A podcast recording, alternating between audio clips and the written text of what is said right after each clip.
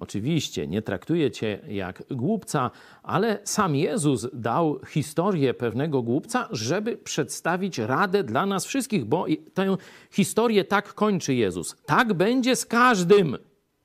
Czyli dotyczy to też ciebie i mnie.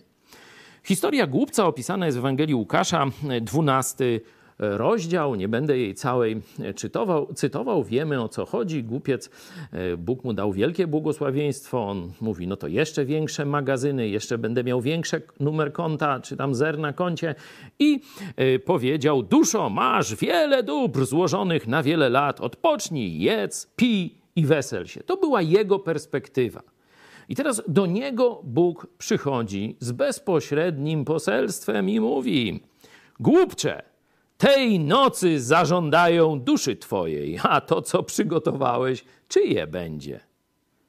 I rozszerzenie na każdego z nas. Tak będzie z każdym, który skarby gromadzi dla siebie, a nie jest w Bogu bogaty.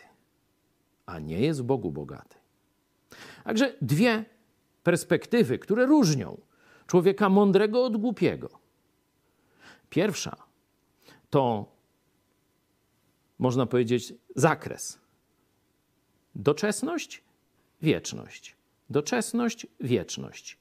Czy też punkt koncentracji. Ja, czyli sobie, k sobie gromadzę jak świnia, czy służę Bogu? W każdej codziennej decyzji powinieneś wziąć tę perspektywę pod uwagę.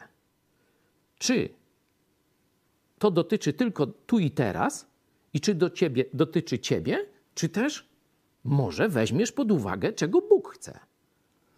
Druga ważna rzecz, dzisiaj się o tym nie mówi. Któregoś dnia każdy z nas umrze.